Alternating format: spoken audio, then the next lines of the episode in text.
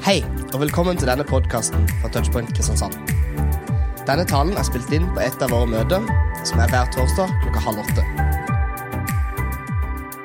Jeg på denne, når de velger. Ja, Jim går der, Kjell går der, Konrad går der. Are Elling han kan bare gå hvor du vil. sant? Det er herlig der. Vi skulle ha band i gata. var akkurat plass til alle unntatt meg. Og det har vært litt sånne ting. Så i livet mitt så har jeg alltid måttet starte ting for å få lov å være med. Men her i menigheten så er Jarle hovedpastor, og jeg er andrepastor. Det er veldig kjekt. Men det er noe veldig bra. For jeg kan gjøre hva jeg vil, og så er det han som må svare for det. Har du hørt hva Roy Elling sa? Nå tok han rasismegreier med Bergen igjen. Du er nødt til å gjøre noe med han. Og så er det han som må svare for det.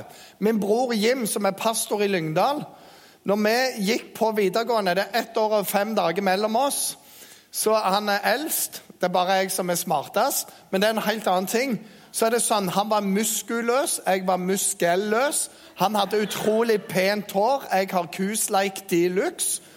Han hadde, eh, han hadde draget på alle. Jeg drog etter han. Og han var kul, og jeg var kristen. Og det var litt sånn, når vi kom inn på videregående, time videregående skole han og så har han sykt lyse øyne, og så var han sykt med i Bryne fotballklubb og var en av de beste. Og det var ikke tull, for det var alltid Jim som gikk først, og så gikk jeg og en kompis bak. Og når han kom til skolen, så stanset alt opp, og det var liksom amerikansk film. sa han. Og bak der så gikk vi, de usynlige. Så alle jentene så på han. Men fordelen for oss som var bak, vi fikk sett på alle jentene. Men de så aldri på oss. Så vi har da eh, gjennom livet da lært dette med å være lykkelig som nummer to. Og ikke lykkelig som nummer én, for det har jeg ikke kjangs på uansett. Kanskje du også er her. Når du googler litt på å være lykkelig, så er det utrolig mange bra ting som kommer opp. Hvis du bare smiler, så er du lykkelig. Hvis du bare ler, hvis du bare er med de rette folket, hvis du bare får det rette uh, hobbyen, hvis du bare og så er det masse sånne ting. Vi skal prøve å ta det ut fra et annet perspektiv, og det er ut fra eh, Bibelen. Og Vi skal være i dag i Filippabrevet kapittel 2. Og Filippabrevet det snakker om igjen og om igjen om glede. Og glede på Guds måte. Og snakker ut fra dette engelskordet, selv om dette på gresk, 'joy', som er noe mer enn 'happiness'. Uh, og så er det jo greia at for de aller, aller fleste, og i kulturen, så må du streve etter å være best og ikke være nummer to. Jeg husker tilbake òg eh, når jeg var tre år, fire år, så var det trehjulssykkelløp på Jærdagene. Og min bror Jim, igjen, han muskuløse, han hadde en trehjulssykkel med stort hjul. Jeg hadde det med veldig lite hjul, og jeg var ett år yngre. Og Det var liksom 60 meter, og etter ca. fem meter så leda ikke jeg. Og jeg fullførte aldri løpet. Hvis jeg ikke vant, så var det det samme. Han vant fordi han hadde størst hjul. Men jeg husker også, så kom han der og fikk premiene med de store, tindrende øynene sine. Og så sa han jeg har en bror som gråter litt. Det var meg. Og så fikk jeg òg alltid is pga. han. Så jeg er veldig glad for det. Men det er kjedelig å være nummer to.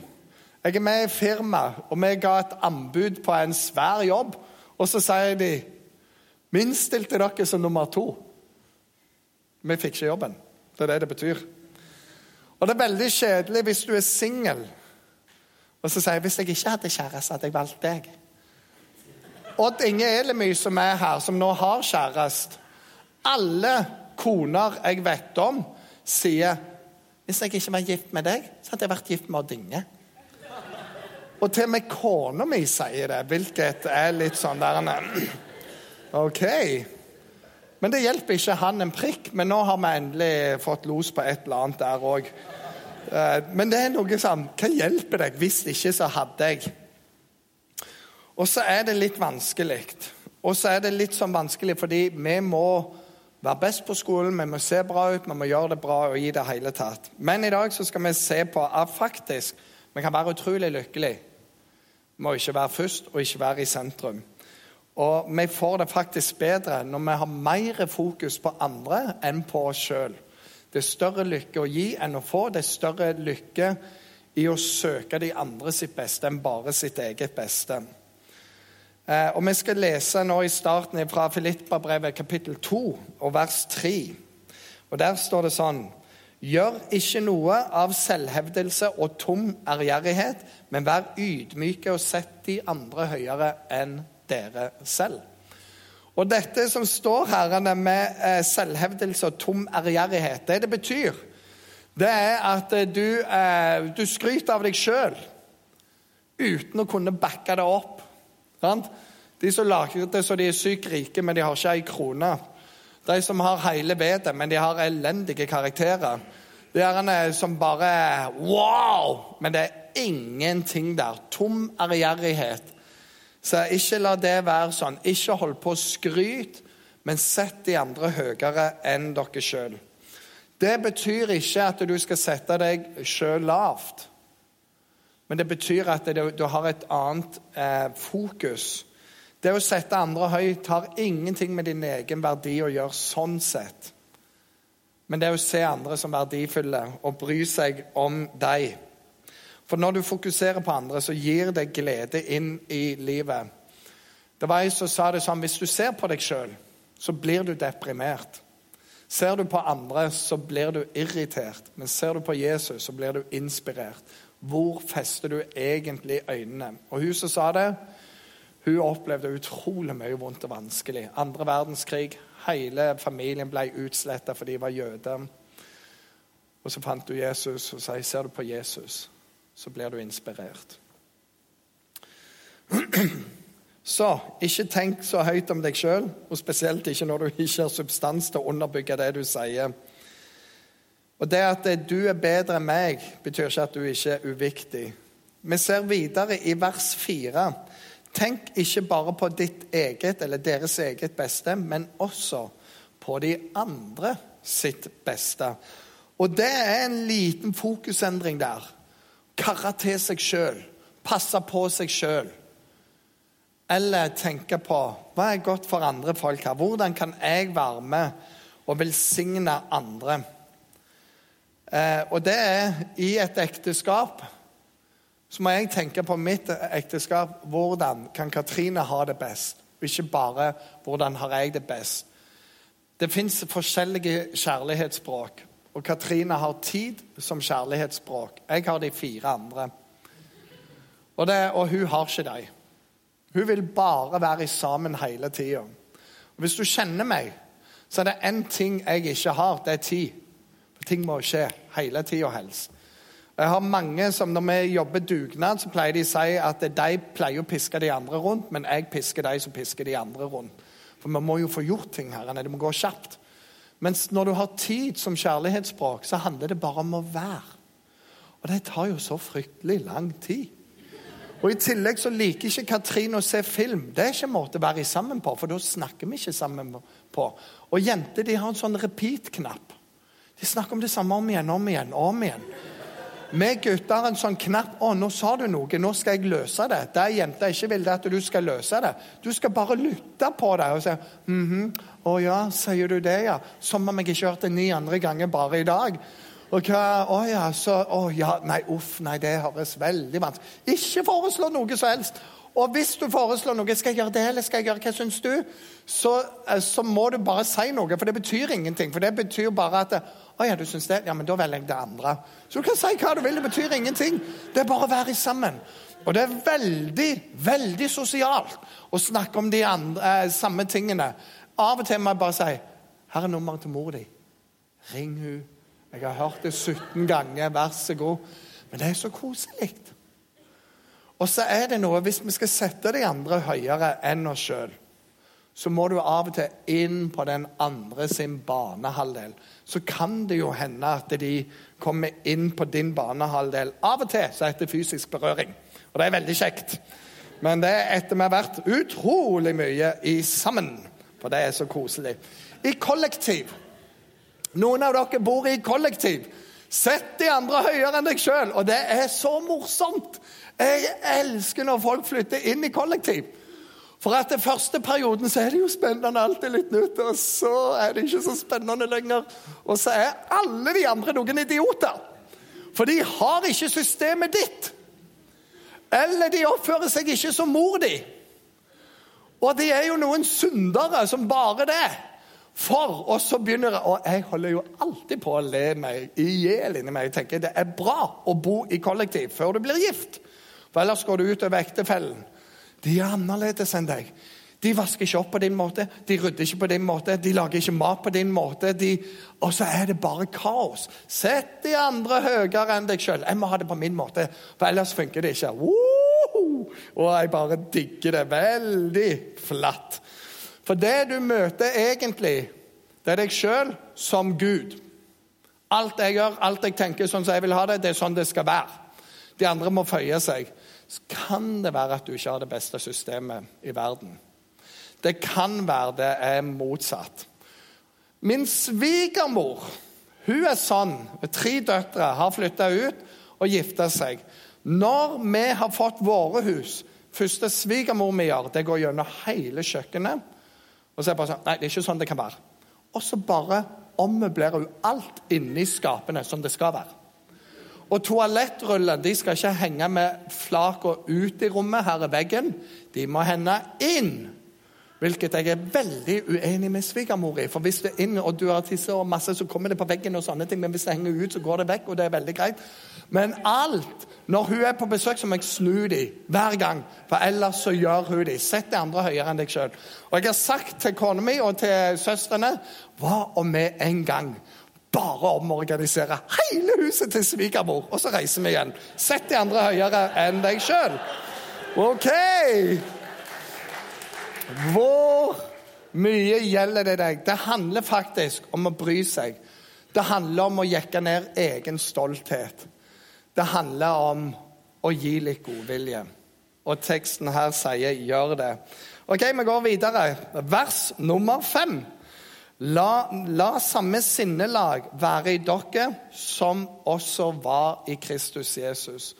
Her har vi et mål om at jeg tilpasser mitt liv sånn som Jesus. At jeg har et forbilde, og det er Jesus. Og, og noen har jo disse armbåndene. What would Jens do? Og andre har What would Jesus do? Og, og det er noe her med hvordan er oppførselen min? Hvordan oppfører jeg meg mot andre? Og, og, Bibelen snakker ikke om bare tenk positive tanker, gode tanker, aura og alt slags sånn. Nei, å være Kristus-sentrisk. Kristus er i midten. Og så følger vi Han, og så lærer vi av Han. Og så prøver vi å være i Bibelen, lese, lære. Og så tenker vi faktisk Hva ville Jesus gjort?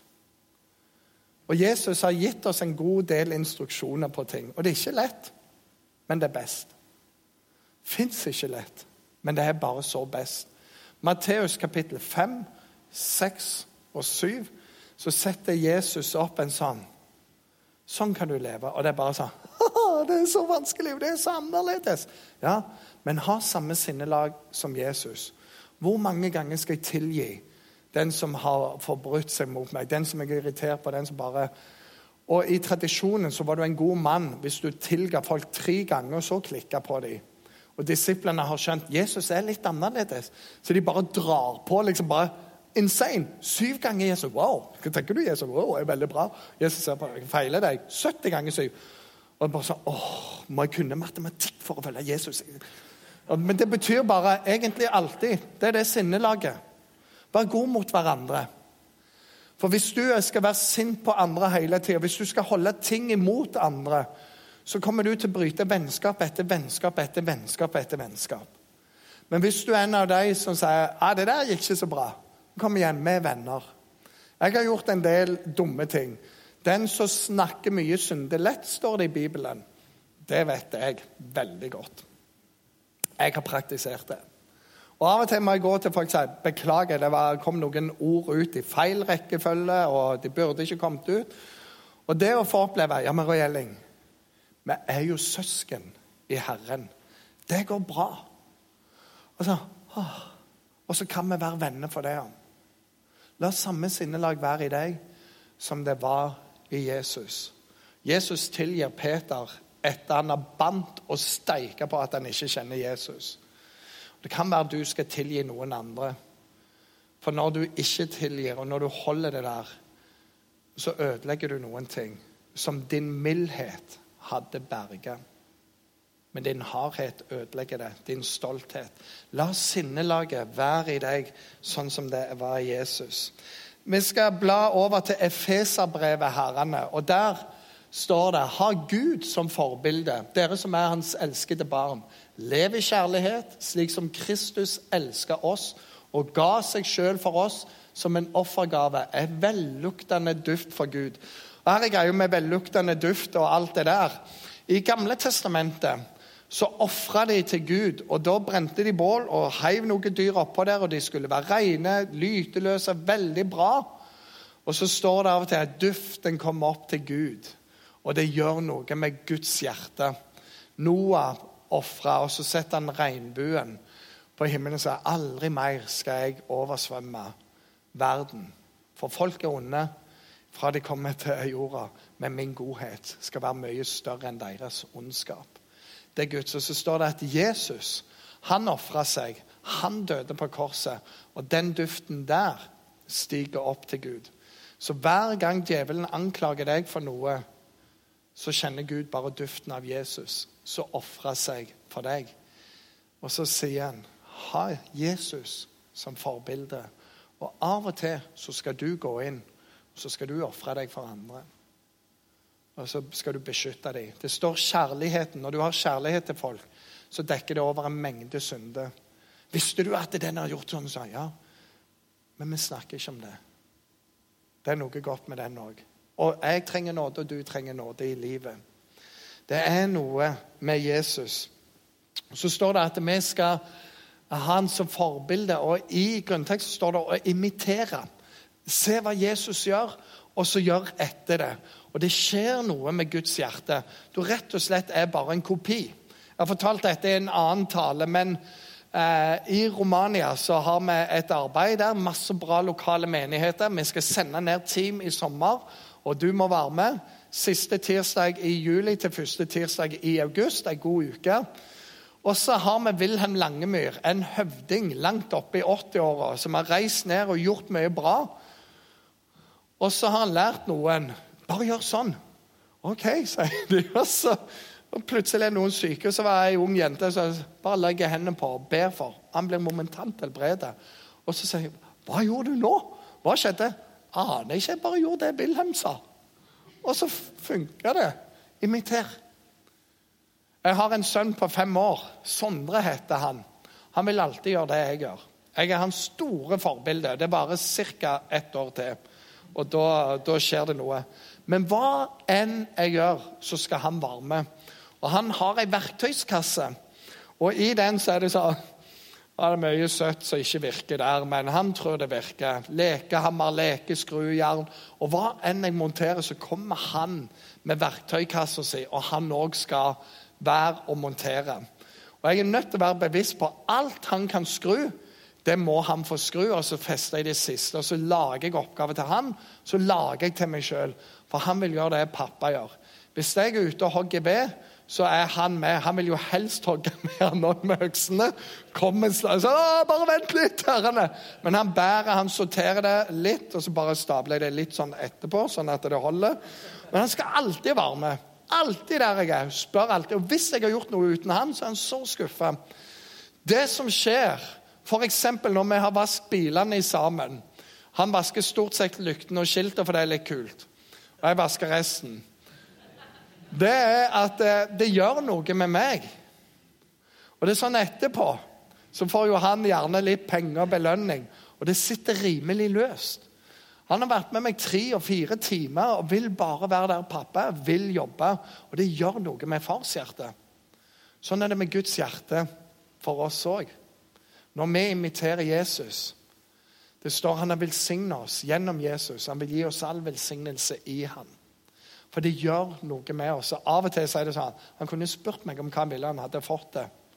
Og Så står broren der og vil ha alt, men han har ikke gjort en prikk. Og Da vet du hva svaret er. Det er ca. noe annet. Ok, Vi går videre. Eh, vers 6 og 7 i Filipperne. Der står det Han, Jesus, var i Guds skikkelse og så det ikke som et rov å være Gud lik. Men han ga avkall på sitt eget, tok på seg en tjenerskikkelse og ble menneskelik. Jesus er Gud, var Gud, kom til jorda, var menneske, levde som menneske. Han hadde alt, og han ble ingenting. Han ble ingenting for oss. Og her er noen av nøklene. Ikke vær først, ikke vær viktigst. Jeg vet ikke hvordan det er deg, men når du ser et bilde, hva, hva er det første du ser på et bilde? Hvis dere er en gjeng som er blitt tatt bilde av, hvor fokuserer du først? For min del hvor er jeg? Hvordan ser jeg ut? Jeg vet at jeg ikke ser ut. Men snart har jeg ikke hår, så det kan være jeg ser bedre ut da. Og jeg er jo Roy Elling, den grimme Elling, og til slutt så har jeg håp om jeg blir den nydelige svanen. Men eh, det skjer ikke. Men så er det noe rart, fordi når vi da er en gjeng som har vært på tur i sammen, vi har tatt masse bilder Alle ser på seg sjøl. Og så skal vi velge hvilket bilde skal vi sette på hjemmesida. Svaret er jo enkelt. Det jeg ser best ut på betyr jo ingenting hvordan de andre ser ut. Gjør det vel? Om en står opp der og blinker litt, eller bare holder på akkurat å nyse eller snudde seg. Jeg ser veldig bra ut. Og det er umulig å photoshoppe meg så bra som akkurat det der. Så det bildet tar vi. Men da er det alltid noen jenter som Nei, men kan ikke ha det. Ser bare helt sånn, Håret bare helt der. Dette er ikke sånn. Vi er ofte veldig sånn. Jesus da, han ble gjort til ingenting. Vi er gjerne veldig fokusert på oss sjøl. Av alt i bildet er det meg det handler om. C.S. Lewis han sa noe om dette her. Han sier det sånn Det handler ikke om å tenke lite om seg sjøl og bli liten. Men det handler om å tenke mindre på seg sjøl. Så det at du tenker på andre, gjør ikke at du blir liten. Men du tenker mindre på deg sjøl, mindre på din posisjon, mindre på hva du får ut av ting og mer på hva de andre trenger, mer på hva de blir glade av, og hva de måtte like. Så litt av min omvendelse er at jeg ser jo aldri bra ut, så bare velg dere. Men eh, for dere andre kan det være annerledes. Å Tenke mer på andre uten å tenke mindre om seg sjøl. Av og til så handler det om å ofre seg for søsken. For noen trenger at du er hjemme litt. De har det ikke så bra. Så, vet du hva, i kveld sitter vi inne, ser vi en film, og så lager jeg noen kanelboller. Så inviterer vi Roy Elling, for han elsker kanelboller i tillegg. Var, jeg har fortalt dette før, men under andre verdenskrig i Stavanger så forteller en kompis av meg at besteforeldrene lå Stavanger sykehus. Bombealarmen går, og de evakuerer alle pasienter de kan, ned i bomberommet. Så ligger dette ekteparet der, og hun er for syk til å kunne evakueres ned, men han er ikke. Og Det han gjør istedenfor å gå ned, det er å gå inn til hun. Og Så sier pleierne du, du må komme deg ned i sikkerhet. Og hun sier du må tenke på deg sjøl nå. Og han bare står der. Nei, jeg står her. Jeg står her med senga. Dør vi, så dør vi. Og så må de andre bare flykte, og bombene hagler over Stavanger. Men de treffer ikke sykehuset. Han trengte aldri mer å si at han var glad i henne. Han gjorde det. Men han demonstrerte at han var glad i henne. Han gjorde seg sjøl til ingenting, tenkte mindre på seg sjøl og ga seg til henne. I Stavanger misjonskirke har vi hatt to damer, Signy og Karen, som var evangelister. Og de syklet rundt med gitaren på ryggen, og de kunne sykle, eller sukle, som de sa. Vi suklet til Fosseikeland, to og en halv mil. Og Suklene eh, på 40- og 50-tallet var ikke helt sånn som de er i dag. og veien var ikke helt det samme. Fram med gitaren og vitne om Jesus. Og de tok rikstoget helt inn til Kristiania og overalt og vitnet om Jesus. Og de sto i vekkelse overalt hvor de kom. Og så forteller de at eh, søsken ble syke. Og foreldre ble dårlige. Og så sier Det står i vår bibel at vi må ha omsorg for vår familie. Så de kutta hele tjenesten og var hjemme og stelte. For det var sånn de leste det. Så det er vår måte å ære Jesus på. Og så var de med i menigheten og alt, men de måtte justere hele livet på dette her. De satte seg sjøl som nummer to og andre som nummer én. Vi går videre. Eh, neste vers, der så, Da han sto fram som et menneske, Jesus, fornedra han seg sjøl, ble lydig til døden, ja, døden på korset. Jesus er vårt forbilde. Når vi sier 'se på han', imiter han', så leser vi igjennom Jesu liv at han sier 'Far, ikke sånn som jeg vil'. For jeg vil gjerne la dette begeret gå meg forbi. Kan jeg slippe å bli torturert? Kan jeg slippe å dø på et kors? Så vil jeg det.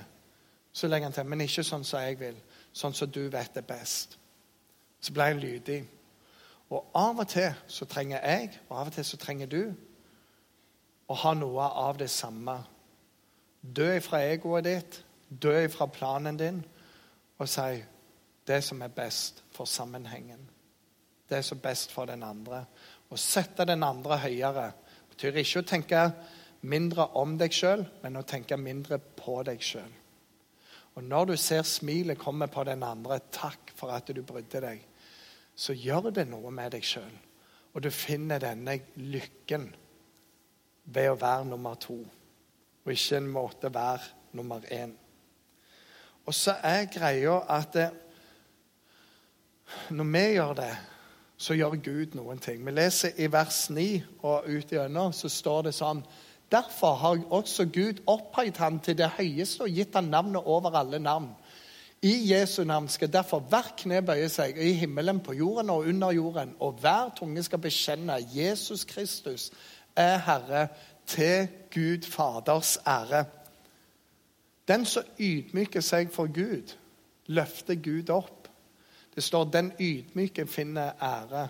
Gud står den stolte imot, men den ydmyke vil han løfte. Og så er det sånn at det betyr ikke alltid at du kommer til å få eh, masse sånn wow hos alle mennesker. Men når du lever for Gud, så vet du han ser i det skjulte, han lønner i det skjulte. Og av og til så løfter han det opp offentlig òg. Så den som er, er, ingenting, den som føler seg som ingenting, den gjør han til alt. For bare å vise jeg er Gud. Og dette funker på en helt annen måte. Og sånn, vil, sånn som han løfter Jesus opp, sånn vil han løfte deg opp. Vi ser dette med mødre som ofrer så mye for sine barn. Som bare er der, som tjener. Vi ser det hos menn som elsker sine koner, og som sier 'happy wife, a happy life'. Treat her as a queen and live as a king. Vi ser det med soldater som kjemper for å forsvare det de har skjært. Vi ser det med fedre på trening som står der for at de skal ha det bra. Vi ser det i touchpoint. Når folk står i frivillig tjeneste. Audrey, som var her, the queen of Bergen. Misjonæren vår som skal hjem så først er inne med de som har kafé og møteverter. Deler et Guds ord med de, ber med de, sier la oss fokusere, la oss si det beste. Kommer hun inn her, så tar hun alle oss som skal opp på scenen, og teknikere og sier her er et Guds ord, la oss be, la oss fokusere. Helt gratis, får ikke ei krone for det. Du så de ute med sjokoladen og med kaffen på high five og hva enn de gjør, disse rare møtevertene. Nei da, de gode. De som setter andre høyere enn seg sjøl. De som tjenestegjør. Vi ser det hos de som gir penger. Det er dine penger. Men du bare sier nei, nei. Alt som er mitt, er Herren sitt. Jeg bare forvalter det. Og så har de begynt å gi fast. Og de bruker av sine penger til å lage kaker så du kan spise gratis her. Og de får ingenting med seg hjem. Men de gjør det fordi de er glad i Gud. De er glad i deg, egentlig. Vi ser det med de trofaste som stiller opp og er der hele tida. Og dette er noe av livet når du er lykkelig som nummer to. Og jeg som far, Når jeg ser mine barn har det bra, det gjør noe med meg. Når jeg ser Katrine har det bra, det gjør noe med meg. Når jeg ser at folk har det bra her, det gjør noe med meg. Lykken er ikke at det er for alt wow, men lykken er en annen plass. Og jeg er glad for å kunne være nummer to. Jarle hovedpastor. Jeg kan gjøre egentlig utrolig mye. Han tar hele skylda. det er han og Jesus det er forbildene. De tok all skyld på seg. Og så får jeg gjøre, så får jeg komme alltid til dem og si unnskyld. Det var ikke helt meningen, det var ikke sånn det skulle bli. så dette her med den joy Joy in being second. Måtte det være din glede òg. Og hele denne teksten handler om det. Sett Gud på førsteplass. Sett de andre på andreplass. Og ha deg sjøl på tredjeplass. Det hjelper mot depresjon. Det hjelper mot selvopptatthet. Og det er så mye mer å glede seg til. For det er så lite du trenger å gjøre av og til for at andre skal ha det bedre. Sende et smil, sende et kort, skrive en SMS, en oppmuntring. Hva som helst. Invitere pastor på kanelbolle. Det er masse sånne ting. Og så bare Yes! I dag, altså. I dag er det veldig bra. Så trenger ikke å streve etter noe du ikke er. Tom ærgjerrighet. Prøve å være noe du ikke er. Du kan heller være der. Det rare med Gud er sånn det står, at ja, det var ikke helt der. det er jeg som har gjort feil, det er ikke han. Derfor, nei, tilbake igjen. Der. Derfor har Gud òg opphøyd ham. Når du setter de andre, så gjør Gud det med deg. Også for oss så betyr det egentlig ingenting. For vi får lov å være hos Gud. Gleden av å være nummer to. Kom tilbake neste uke. Ny, kul video. Forhåpentligvis en bra tale. Skal vi be i sammen, så er jeg ferdig. Himmelske Far, jeg takker deg for at eh, det er en glede i å være nummer to. Herre, vi trenger ikke være best for å ha det godt. Og når vi fokuserer på at andre skal ha det godt, så gjør det noe med vår egen glede. Herre, jeg ber om at du må hjelpe oss å komme med vår stolthet og med vårt ego og legge det ned for deg. Hjelp oss til å ikke tenke mindre om oss selv, men å tenke mindre på oss selv. Herre, hjelp oss å drømme om hva godt vi kan gjøre for andre. Hjelp oss å se behov hos andre. Og hjelp oss å ha deg, Jesus, som våre forbilder. Og gjennom den måten å leve på, at folk kan få se spor av deg i våre liv. Jeg ber om det i Jesu navn.